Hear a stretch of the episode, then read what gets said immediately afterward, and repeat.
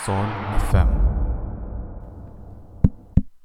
Taigi sugrįžtu, sugrįžtu į Sol FM. Sveiki sugrįžę iš Sol FM apskritai. Sveiki į antrąją dalį atvykę tie, kas nesiklausė pirmosios dalies. Tai kalbam apie, na, jau nebesikartosiu, bet paprastai tariant, kalbam apie uh, daktaro Džono uh, Kalhūno, žinomo etologo, uh, pelių utopijos eksperimentą. Uh, žinoma taip pat kaip uh, mirtis kvadratu arba visata 25. Tai mes kalbam apie e, perdėtos populacijos, galbūt per didelių žmonių kiekio, galbūt problemą šiame pasaulyje. Tai pabandysime pratesti visą, ta prasme, e, kaip ir laidą. E, kaip ir minėjau, kaip ir žadėjau kiekvienam iš jūsų, tai seksiu labai ką rašysit ir panašiai. Tai pradžioj paminėsiu vieną iš mūsų klausytojų, jisai davė įdomią mintį, tai kad gyvūnai šiaip yra įvairūs tiek įvairūs graužikai, sakykim, tiek jūrų gyvūnai ir, ir panašiai. Ir tarp kiekvieno iš šitų gyvūnų yra tam tikra natūrali atranka. Tai čia savaime suprantama, tarp žmonių, na, visi žmonės yra vienodi ir vieni kitus žudo. Ir ta atranka tokia yra realiai. Tai ta, tokia tampa kaip ir mūsų egzistencija, sakykime, žmonių. Ir gal aš nežinau, čia labiau kontrargumentas ar pritarimas, nežinau, šiai minčiai tikrai didelis ačiū klausytojui už šitą, šitą parašymą, bet uh, ką, ką aš noriu pasakyti apskritai šios laidos esmė buvo gal ir ta, kad uh, populiacija, populiacija nustoja aukti, kai jinai, kai jinai turi daug resursų, bet neturi jokių, sakykime, natūralių grobonių ar natūralių blogių. Gal taip sakykime, ir jinai, ta populiacija, na, nebeauga, neturi gal tikslo aukti, nežinau. Bent jau čia toks galbūt e, mano nuomonė buvo to eksperimento tikslas. Ir kaip ir minėjau, apskritai visų populiacijų, ta prasme, augimą lemia tie du veiksniai. E, čia šiaip tokia yra teorija, kad e, tai yra natūralūs resursai, tai sakykime maistas, ir, ir tie patys grobuonis, tie natūralieji sanitarai gamtos, sakykime, vilkai ir panašiai. Tai jie, na, re, realiai šitie dalykai kontroliuoja mūsų populiacijas. Dabar tuo tarpu klausimas iškyla, kas kontroliuoja žmonių populaciją. Prasme, jūsų nuomonė. Mes natūralių kažkokių grobonių kaip ir neturim, mums jau nebereikia kovoti prieš meškas ar liūtus ar panašiai, mes, mes gyvenam saugiai, sakykime, kai kurie miestuose, kai kurie rajonuose, kai kurie kažkur kitur, bet, uh, sakyčiau, pakankamai saugiai žmonės jau gyvena. Uh, mir, mirtingumas nuo tų, sakykime, grobonių kaip ir, na, jau nebėra aktualus mums E, tuo tarpu resursai dabar liko tas vienintelis ga gamtinis sanitaras žmonių prasme. E, klausimas iškyla, kiek, kiek tada tų resursų mes dar galim turėti, kada jau mūsų populiacija sakys, kad jau mum yra per daug. Na, mūsų jau yra per daug ir mes jau, na, nebegalim, nebegalim savęs išlaikyti paprasčiausiai. E, čia gal toks dalykas iškyla. Ir to eksperimento metu pasakė, na, bent jau, bent jau buvo padaryta ta, ta, ta prielaida, kad su, su, na, sudarykim tą tokią utopiją, sukurkim utopiją, kur tokių problemų nėra. Tu visą laiką turėsi maisto, visą laiką turėsi kur gyventi ir neturėsi jokių grobonių. Ar populiacija tokiu atveju vis tiek auks be sustojimo, ar jinai vis dėlto sustos? Ir, ir čia toks klausimas buvo iškeltas, ta prasme, pačio Džono Kalhūno, kuris ir darė tos eksperimentus. Tai pratęsiu, ta prasme, tą mintį, tai taip, žmo, žmonės šiuo metu neturi tokių kaip ir grobonių, sakykime, tai gal vienintelis grobonis yra gamta ir kiek gamta gali duoti resursų, bet kaip mes matome, iš gamtos galime išgauti vis daugiau resursų, atsiranda naujos technologijos, žemės ūkis vis, vis gerėja, sakykime, ta prasme mes sugebame išgauti iš mažesnio, sakykime, ploto didesnį kiekį naudos, gal taip sakykime, ir tokiu atveju, na, produkcija vis, vis gausėja ir gausėja ir mes sugebam išlaikyti vis daugiau ir daugiau žmonių. Kaip žinia, po 20 ar 30 metų, po 30 berots metų e, populiacija gali pasiekti ir 10 milijardų mūsų, mūsų pasaulyje. Ir mes vis dar sugebės, su, sugebėsim išgyventi stabiliai, kaip ir jinai auga, sakykime, ta, ta populiacija. Bet ga, galima sakyti, ką aš noriu pasakyti, kad nors ir mes neturim grobonių ir, ir matomai iš mūsų to technologinio progreso, kad ir, kad ir resursai, natūralūs resursai irgi mums nėra problema pasirūpinti bet gal problema yra kažkokia kitokia, kas gali lemti mūsų visuomenę, sakykime, žlugimą. Na, įsivaizduot galim tą. Ir būtent tas eksperimentas galbūt tie, ta visa ta 25 ta žiūrkių ir bando parodyti tą tokią atvejį įdomų. E, na, čia, čia įdomus variantas. Ir aišku, e, klausytojas dar paminėjo, paklausė, ar mes patys netampam vienas kitam groboniais. Ir iš esmės taip, mes esam tie natūralūs, galbūt sakykime, vienas kito sanitarai. Bet ar tų grobonių yra pakankamai tada? Gal toks klausimas yra, nes vėlgi vilkų reikia pakankamai daug tam, kad jie, na, sumažintų populiaciją, kaip sakykime, stirnų, kad stirnų nebūtų per daug gamtoje ar kažkas panašaus, ar bebrų, ar, ar panašiai. Aš čia nežinau, aš negaliu gilintis, bet aš nemanau, kad, skaičiau, populiacija, kurioje tavo gentainiai žudo kitus gentainius, tai nėra gera populiacija, tai yra blogai, čia yra jau daugiau kanibalizmas. Tai rodo žlugimo populiacijos, o ne, o ne sakykime, na, grobonį. Aš kalbu apie natūralų grobonį, kada kažkoks kitas pavojus, ta prasme tavo populiacijos pavojus, kita populiacija daro pavojų kitai populiacijai, o ne atvirkščiai, ta prasme, kai tavo populiacijos vidus jau tampa pavojingas tau, čia yra jau toks daugiau psichologinis tampa teroras. Na, na, nesvarbu, ne, nesigilinkim gal per daug, nes mėgstu tokius pokalbius, bet labai nukrypsiu nuo temos, iš esmės nespėsiu papasakoti apie tos eksperimentus. Uh, tai gerai, tęsiam. Vėliau, jeigu ką, galėsim atsakinėti klausimus po laidos. Tai čia, tarp kitko, klausytojams, kurie nori pasirašinėti ar paskambinti. Uh, taigi tęsiam. Tai visata 25. Tai kaip žinia, uh, Džonas Kalhūnas, jisai visada svajojo tą tokią pastatyti jau kaip ir realų tą eksperimentą padaryti, kuris truks labai ilgą laikotarpį, sakykime, uh, jisai tru, jis turėtų trukti jau daugiau nei 2 ar 3 metais, turėtų trukti dar ilgiau. Jisai norėjo kuo mažiau įsitraukti tą eksperimentą ir jisai norėjo pradėti jį su kuo mažesniu kiekiu pelių. Tai vėlgi, čia, čia yra pastebėtinas dalykas, nes tas kuo mažesnis kiekis pradžiai pelių irgi nėra visai geras dalykas. Ta visa kraujomaiša tarp pelių ir panašiai irgi yra, na, gan aktuolus dalykas. Na, bet esmė labai paprasta. Jisai pastatė apie 2,5 kvadratų plotą tokį, tokį gan didelį narvą, sakyčiau, jisai buvo labai aukštas narvas, jame, jame iš viso buvo tokių kaip ir 16 urvelių, tose urveliuose būdavo maistas, vanduo, ta prasme viskas, ko tik reikia, visokie vitaminai, viskas, ko tik reikia pelėm, kad jos, na, būtų nuostabaus kailio, sakykime, storos, riebios ir laimingos, galbūt, sakykime, ir tingios. Kartu buvo ir tokios kaip ir gyvenamosios, na, gyvenamosios patalpos, plotai, net nemoku paaiškinti, kaip, kaip tai galėtų atrodyti, ta prasme, pelių plotai, bet, na, pelių kambariukai, jų iš viso buvo 256, prasme, tame narve. Ir realiai realiai kalhūno principai buvo labai paprasti, jisai stengsis būti daugiau uh, tas, kuris stebi visą pro procesą, jisai, jisai negelbės pelių, kuriuom ištiks kokia nors bėda, jeigu jos ten susipeš, kaip pavyzdys ir panašiai, nes tas, tas buvo pastebėta ankstesnių eksperimentų metu. E, pelės pradėjo agresyviai elgtis viena su kita, jos pradėjo, na, pult vienas kitą dažniau neįprastai, nes šiaip pelės, na, vėlgi, kaip žinia, gamtoje yra ten tų dominuojančių ir mažiau dominuojančių, sakykime, na, gyvūnų. Uh, tai dažniausiai būna tarp patinėlių. Tai kaip pavyzdys, dominuojantis patinėliai dažniausiai mušosi su mažiau dominuojančiais patinėliais. Tai ir mažiau dominuojantis patinėliai, nuskriaustėjai, jie pasitraukia nuo tos, na, sakykime, populiacijos ir keliauja savais keliais, sakykime, gal taip paprastai tariant. Ir, na, tą pastebėdamas, pastebėjęs praėjusiu eksperimentų metu, na, kalhūnas jisai paprasčiausiai patraukdavo tuos tuos nuskriaustuosius galbūt patinėlius, jisai gal net kartais ir išimdavo juos iš narvelio, bet šiuo atveju jisai pasirinko, kad visato 25 bus, na, toks jau grinas išlikimas, visi turės gyventi tame plote ir gyventi visą tą laiką, sakykime, tame na, narve, jisai nesi, nesikiš šitą gyvenimą, vienintelis dalykas, ką jis darys, tai jis tiesiog papildys maisto atsargas, tai sąlygos bus, na, kaip ir minėjau, teoriškai sąlygos skamba kaip utopija, bet praktiškai ta, ta utopija vis dėlto buvo distopija pats, pats Džonas Kalhūnas pavadino šitus eksperimentus, na, apskritai tuos narvus jisai pavadino pragaru. Jisai jos net nevadino visatomis ar, ar, ar kaip minėjau, žiūrkių miestais ar kažkas panašaus, jisai pavadino ne visato 25, o tiesiog pragaras. Aš matau pragarą, jisai sakė.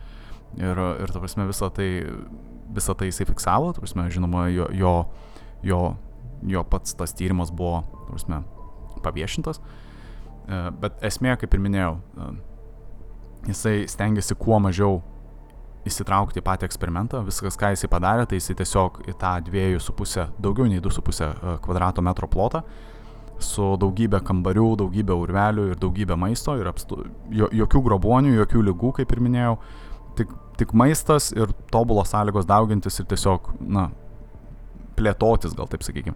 Viskas, ką jis padarė, jis tiesiog įleido 8, 8 pelės, tik 8 pelės į tokį plotą. Tai čia iš viso tarp tų 8 pelių tai 4 patelės ir 4 patinėliai. Jis visada darydavo viską po lygiai. E, vėlgi, kaip ir minėjau, tas mažas skaičius yra negeras dalykas eksperimentui galbūt šiuo atveju, nes vėlgi didelis plotas galėjo jis ir daugiau įleisti ir mažiau būtų buvę kraujomaišos, tai irgi turi tam tikrą įtaką, kaip pelės gali elgtis, sakykime. Nes supra, suprantama, kiekviena pelė tapo praktiškai vienas kito giminaičio, čia taip ūkiškai tariant, bet uh, vėlgi tęsiant mintį, uh, ką jisai pastebėjo, tai tiesiog, kad uh, pati populiacija pradėjo aukti labai greitai. Uh, po, populiacija, ta prasme, apskritai visas tyrimas buvo, truko, truko berots 4 su viršum metų, daugiau negu, daugiau negu 1700 dienų. Tai jisai jau paskutinę dieną, e, beros 1720 diena buvo paskutinioji eksperimento diena, tai čia jau, jau yra beveik penki metai, kaip, kaip eksperimentas trukęs, tai daugybė, daugybė, sakykime, kartų, kartai iš kartos, sakykime, pelių buvo išaugintos, bet uh, esmė buvo paprasta, tai kad paskutinis gimimas buvo užfiksuotas 920 dieną. Tai įsivaizduokit, na, pelės, pelės realiai dauginosi ir, ir sugebėjo, sugebėjo, to prasme, išlikti, realiai, na, vis naują kartą išsiųsti tik 920 dienų. Tai nepilnus 3 metus. Uh, nors pats narvas, ta prasme, jisai buvo įvertintas apskritai, kad jame galėtų tilpti daugiau kaip 3000 pelių. Apskritai pats, pats uh, Džonas Kalhūnas, jisai spėjo, kad jo eksperimento metu tikėtina, kad apie 3000 pelių, uh, ta prasme, gyvens. Ir pats narvas buvo padarytas virš 3000 pelių, ta prasme, priimt, gal net iki 5000 pelių, jeigu, jeigu būtų prireikę, jisai, jisai turėjo tam priemonės padaryti, bet uh, eksperimentas gal, sakykime, ne visai nuėjo taip, kaip jisai tikėjosi, Pe, pelės pasiekė maksimumą tik tais uh, apie 2200 pelių. Ir kaip ir minėjau, paskutinis gimimas, na, nau, nau, naujagimis norėjau sakyti, jauniklis, ta prasme, pelių, buvo tik tais 920 dieną užfiksuotas. Tai vėlgi pats eksperimentas pareikalavo daugybės resursų, viską finansavo ir, prasme, padėjo įrengti Džonui Kalhūnui tas minėtasis psichologinių lygų institutas, prasme. Ir uh, Vėlgi galim tada pradėti nuo fazių. E, Prasme, kaip pats eksperimentas vyko, jisai buvo suskirstytas į keturias, keturias atskiras fazės. Tai pirmoji fazė buvo, kaip žinoma, e, na, ta tokia įrengiamoji fazė, jinai truko apie 104 dienas, tai plus minus daugiau nei 3 mėnesiai. Tai per pirmasis 104 dienas e, tos pradinės aštuonios, sakykime, pelės, viską, ką jos darė, tai jos, na, dauginosi. Uh, jo, jo, jos vis dauginosi ir jos vis bandė užkariauti tam tikrą, kaip ir, sakykime, teritoriją, jos, jos kirstėsi tam tikras zonas toje, tame narvelėje. Tas narvelis, kaip ir minėjau, jis gal labiau narvas, sakyčiau, net ne narvelis. Ta visa ta 25 jinai yra gan didžiulė ir aukšta, joje labai daugybė galėjo tilpelių, jom, kaip ir minėjau, tiesiog pačiom pirmom pelėm tai buvo realiai utopija, galima sakyti E, bet didėjant populiacijai ta utopija tapo visiška distopija. Visme visiškas pragaras, kaip ir pats paminėjo Džonas Kalhūnas. E, tai taip, e, kaip ir, kaip ir pradėjau, tai pirmoji fazė buvo iki 104 dienų trukusi fazė, tai yra tas įsikūrimas, tai kai pati socialinė, ta prasme, padėtis kiekvienos pelės buvo nustatyta, tai pelės, na, savaime suprantama, yra irgi teritoriniai šiek tiek gyvūnai, jos išsiskirstė tam tikras na, teritorijas, gynė savo patelės, ta prasme patinėlį gina patelės, čia žinot įprastą istoriją ir panašiai patelės saugiai, jeigu jos jaučiasi saugiai, jos gali auginti jauniklius ir panašiai.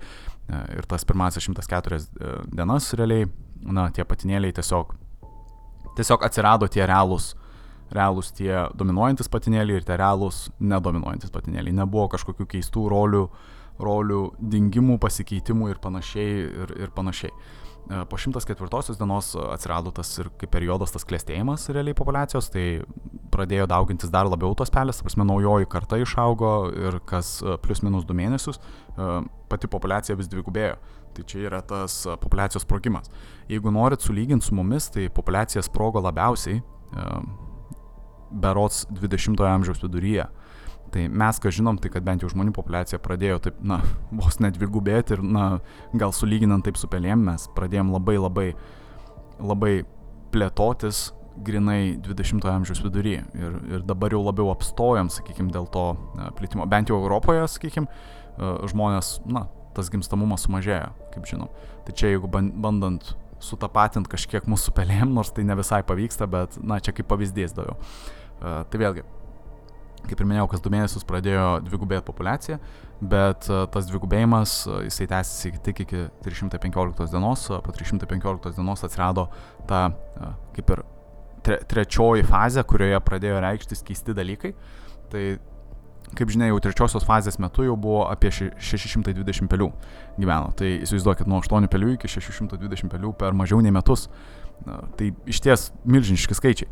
O galų gale vėliau apsistosim, apsistosim, kaip ir minėjau, apie 900 plus minus pelių jau praėjus, jau praėjus beveik 3 metam. Tai Tai po tų 620 pelių vos 300 pelių pradėjo, na, sugebėjo gimti per sekančius kelius metus. Tai čia yra košmariški skaičiai. Ta prasme, tas pats plėtimas labai sulėtėjo, tai per tą trečiąjį etapą, kas iš esmės įvyko tos trečiosios fazės metu, tai tas gimstamumas sumažėjo. Tai populiacija pradėjo didėti tik tais ne kas 55 dienas, bet kas kažkur 145 dienas ar plius minus. Bet nepaisant to, nepaisant to, ta trečioji fazė pasireiškia labai keistais reiškiniais. Tai esmė, esmė, kas atsitiko, tai uh, matot, čia, čia aš net nemoku to labai paprastai paaiškinti, bet uh, įsivaizduokit, kaip pelės gyvena, sakykime, uh, laukia, ar ne, jeigu, didžiulė, jeigu mes turim didžiulę populaciją pelių.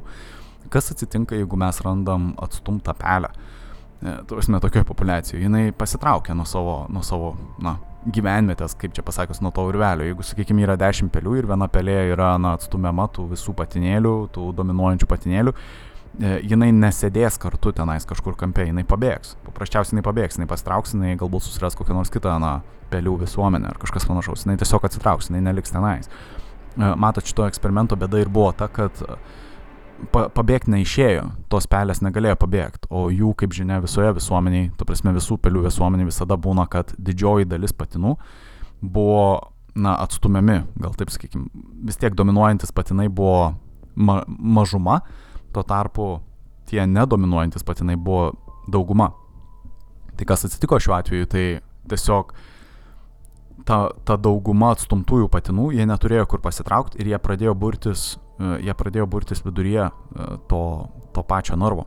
E, tai pačiam narve, kaip ir minėjau, buvo ten tie 16 urvelių, tokių kaip ir skyrių, su, su dideliais aukštais, sakykime, vos net atskirais kambariais pelių, na tokie kaip viešbučiai, sakykime, pelių ir panašiai. Nors ir sąlygos buvo tobulos, na, gyvent, bet uh, tam tikros pelės jo, jo, jausdavo, na, tą stresą, kadangi jos negalėjo ištrūkti iš to gyvenimo, jos buvo atstumtos, tu prasme, tos visuomenės ir, kaip žinia, didžioji dauguma, realiai, dauguma pelių ir yra tokios, jos yra tos atstumtos.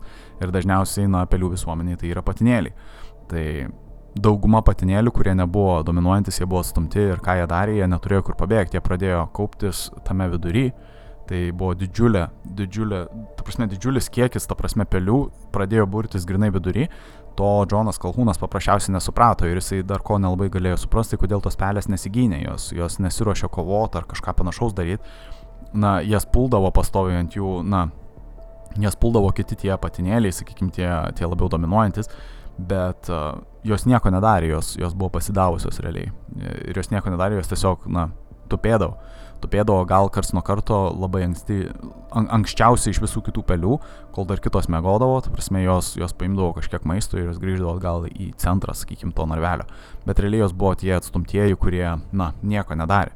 Tada vėliau kitos pelės, sakykime, na, kadangi tų, tų sakykime, patinėlių vis daugėjo, vis daugėjo tų, tų atstumtųjų, kas atsitiko toj pačioj viso, tu prasme, populiacijoje, tai tų dominuojančių, tie dominuojantis patinėliai, jie pradėjo sent, jie, jie pradėjo, na, silpnėti, nes jie vis pastoviai turėjo kovoti su didesnė populiacija tų atstumtųjų patinėlių, sakykime. Ir savame suprantama, jie buvo pastoviai pavargę, jie buvo streso būsenoje ir panašiai, jie negalėjo ginti patelių.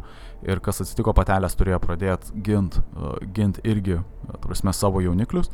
Ir dėl to jos negalėjo išauginti normaliai jauniklių, daugybė jų pradėjo mirti kiti patinėliai pradėjo tuos jauniklius valgyti, ta prasme kanibalizmas pa, na, paplito ir kaip žinia, apskritai, e, žiūrint į peles, kiek mes žinom, tai pelės, na, jos pasižymi to kanibalizmu, kai būna stresinė situacija. Tai kaip žinia, na, jauniklių motina, ta patelė, jinai suės savo jauniklius, jeigu yra stresinė situacija.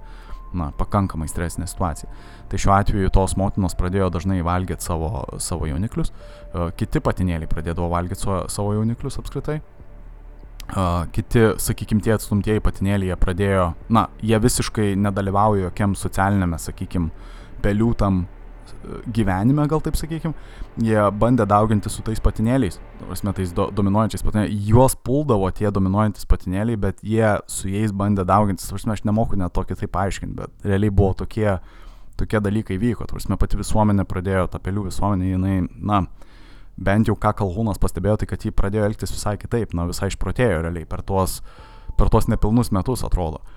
Ir ta sekančioji, ta paskutinioji fazė buvo ta mirties fazė realiai, kada jau pradėjo, na, populiacijos pradėjo antiek mažėti, kad realiai, na, gimstamumas labai sumažėjo, turime patelės nebesidaugino, jos atsisakė tą daryti, e, patinėliai irgi atsisakė tą daryti lygiai taip pat, atstumtieji to irgi nedarė. E, ir na, savame suprantama, populiacijos pradėjo mažėti. Tuo tarpu tie, tie e, sakykime, jaunikliai, kurie išgyvendavo, jie na, kaip čia pasakius, jų instinktai buvo kažkokie kitokie. Tu prasme, jie buvo ne visai tinkamai gal išauginti, net nemoku kitaip paaiškinti, bet visų gyvūnų jaunikliai turi tam tikrą prasme, na, mokintis iš savo, sakykime, tėvų, gal kitaip aš net nemoku paaiškinti, tai, tai yra tam tikra svarba. Ir pelių gyvenime yra panašiai, sakykime. Tai kas atsitiko, tie jaunikliai, na, realiai, sakykime, augo be, na, jie nebuvo tinkamai žindomi, galbūt tinkamai auginami, jų guoliai buvo labai prasti. Tos pačios patelės, kurios augindavo, na, savo jauniklius, kaip žinom, prasme, dažniausiai, jeigu, jeigu stebim kaip paprastai pelės, tai galim įsivaizduoti, kad patelės tiesiog sukuria kokį nors narvelį. E, ta prasme, ta prasme, kokį nors net ne narvelį, skaičiu, jo sukuria kažkokį tais guolį, kuris būna labai, na, toks šiltas, na, toks stambus, gal net nemoku paaiškinti kitaip, ir jame sudeda visus savo jauniklius, ta prasme, saugiai ir panašiai. To daryti patelės jau nebedarė, ta prasme, jau trečioji fazė ir jau ypač ketvirtoji fazė to patelės nebedarė, jos pradėjo mėtyti savo jauniklius visur. Juos atitinkamai pradėjo valgyti visos kitos populiariai, tu prasme, visi kiti ten tie patinėliai, skaitant ir tos atstumtuosius. Ir, na, paprasčiausiai buvo tragedija, aš net nemoku tai paaiškinti. Pats daktaras Kalkūnas, kaip ir minėjau, pavadino visą tai tiesiog pragaru. Iš tos, iš tos pelių utopijos tai tapo distopija. Bet tiesiog primenu, kad pelės neturėjo jokios kitokios grėsmės. Tarsi jos tiesiog gyveno toj visuomeniai su kitom pelėm, jos neturėjo jokių grobonių, jos neturėjo jokių lygų, Jos turėjo pilną vitaminų, vandens, maisto, visko. Ta prasme, jom nieko nereikėjo daryti, tiesiog realiai didinti savo populiaciją. Čia, čia visa tai buvo.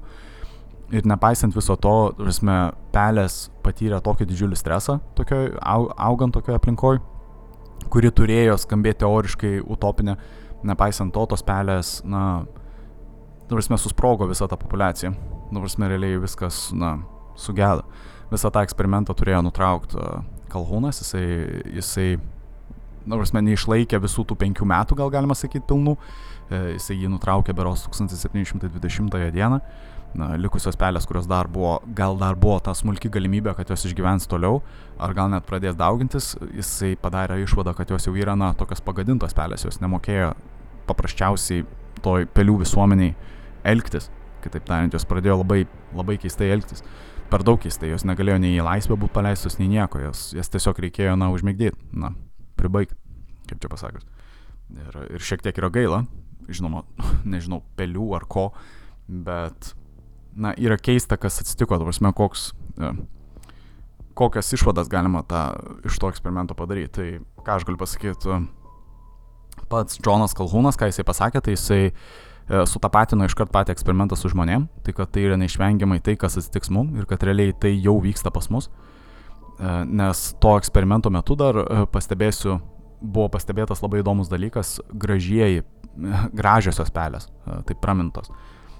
Kal, Kalhūnas paminėjo tas gražiasias pelės dėl to, kad jos elgėsi ypač keistai. Tai buvo patinėliai, kurie, kurie apskritai nieko nedarė, o tik tais mėgodavo, valgė ir prisižiūrėjo save Jie nekreipdavo dėmesio į jokias patelės, į jokias teritorijas, jie nebandė kovoti su tais patinėliais, e, tais dominuojančiais patinėliais, jie nieko nebandė daryti, jie nebandė konkuruoti, jie tiesiog bandė, na, į save tik tais atkreipė dėmesį, na, aš tą turiu menį, net nemoku kitaip paaiškinti, ir jie tapo tie gražieji, e, gražiosios tos pelės, e, jis tą praminė. Ir, ir, na, ką bando tas daktaras pasakyti, kad tos gražiosios pelės jau yra pas mus visuomeniai, kai kurie žmonės yra tokie. Jau kai kurie žmonės labiau yra linkę žiūrėti ne nei, nei sakykime, visuomenė, kurioje gyvena, ar bandyti susibendrauti su ta visuomenė, ar tapti jos dalim. Tie žmonės yra labiau susitelkę į save, sakykime, į savo grožį, į savo tą individualizmą ir panašiai. Ir, na, nežinau, ar tai yra geris ar blogis, bet mes tą galim pamatyti, pamatyti apskritai per tą socialinę mediją, prasme, per tuos socialinius tinklus. Žmonės visi save reklamuoja, sakykime, kiekvienas žmogus save jau pateikia kaip tam tikrą produktą, sakykime, tą tobulą produktą. Jie, jie nieko daugiau nežiūri, tik tais, na, prižiūri labiau save. Bet čia tik mano nuomonė, aš tik taip sakau. Bet Kalhūnas bandė sutapatinti va šitą dalyką, va tą, ką jisai pastebėjo tame narve, toje, toje 25-ojoje visatoje, ką jisai pastebėjo, jisai bandė sutapatinti su žmonėm. Na, jisai, jisai tai, na, supa, vos ne kaip apokaliptinis, sakykime, reiškinys, jam tai atrodė lik pranašystė. tai kai jisai mato lik grinai, jisai mato ateitį mūsų visuomenės. Dabar klausimas, ar tai yra iš ties, na tiesa, ar, ar taip mūsų visuomenė ir išnyks. Ir čia klausimas galbūt būtų labiau, na, jum, nežinau, nes aš negaliu pasakyti.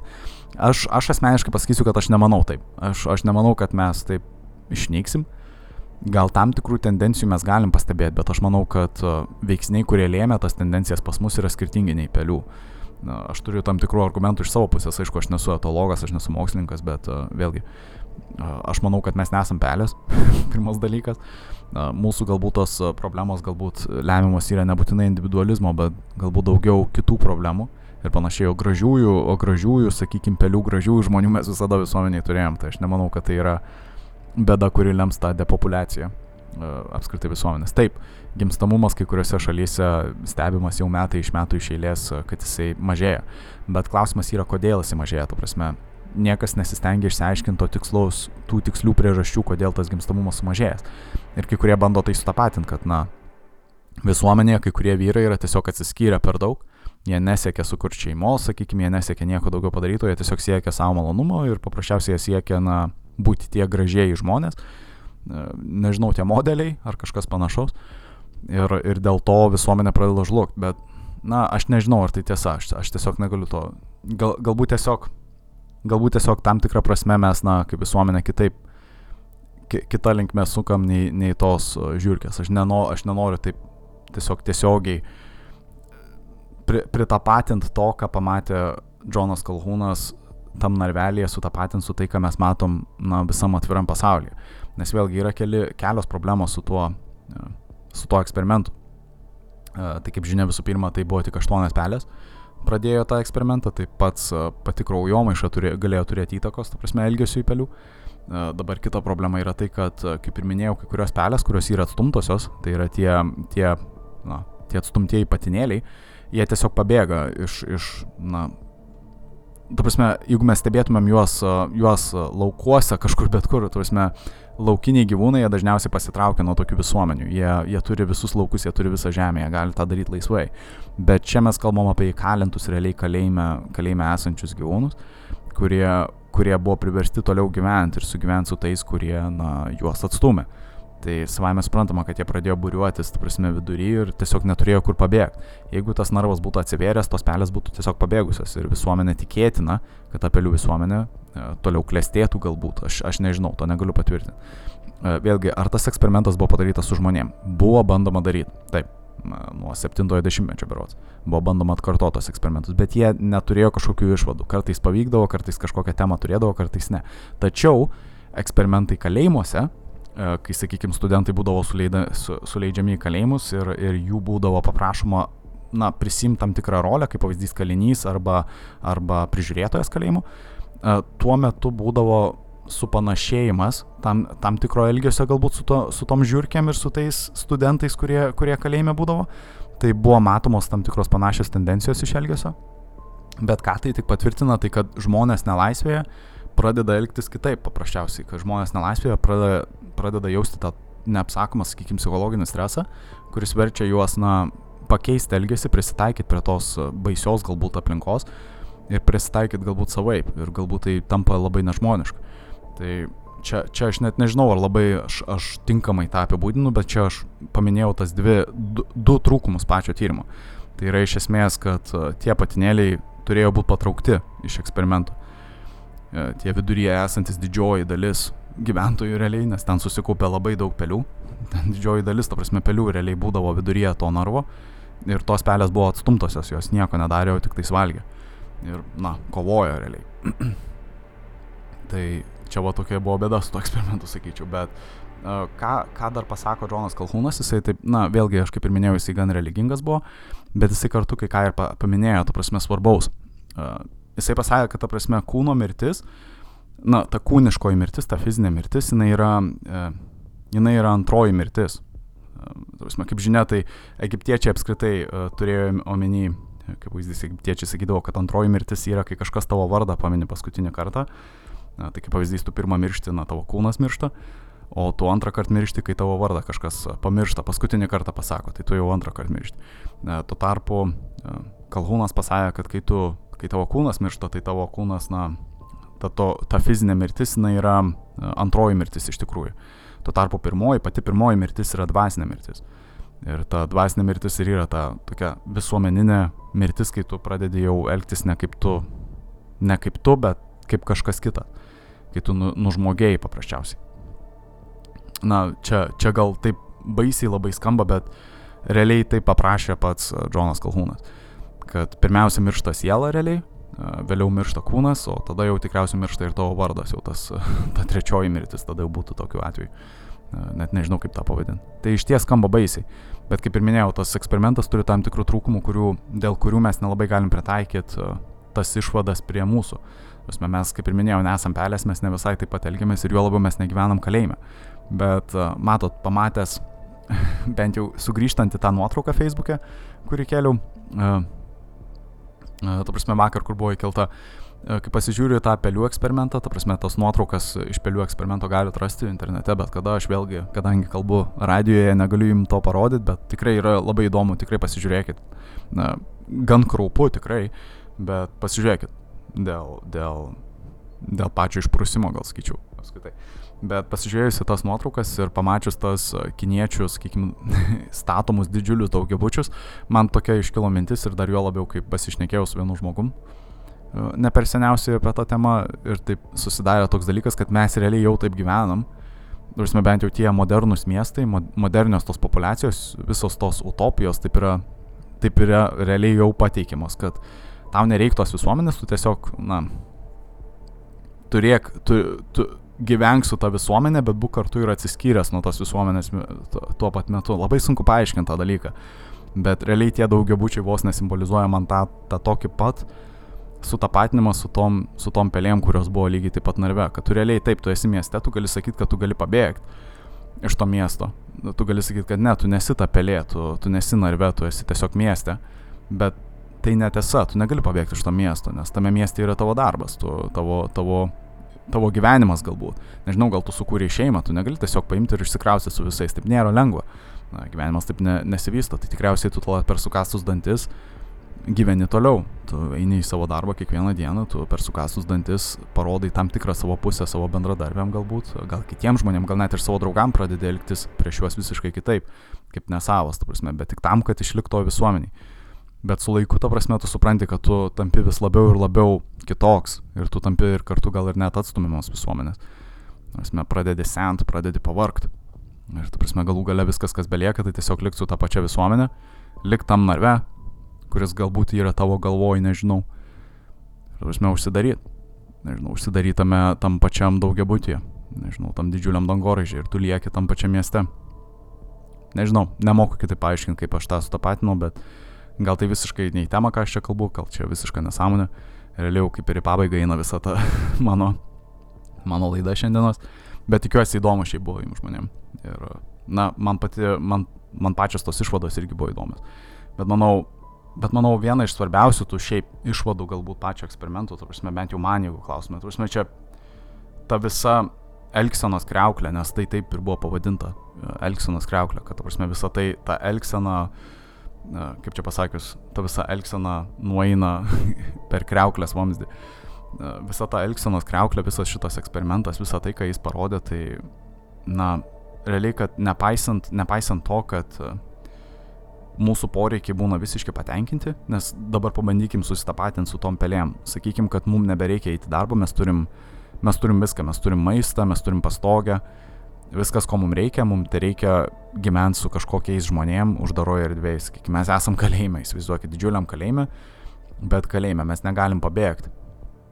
Mes amžinai turėsim būti tam kalėjime, bet mes viską turime. Mes turim maistą, mes turim, kad ir to, tą patį televizorių, kad ir Sol FM groja, nežinau.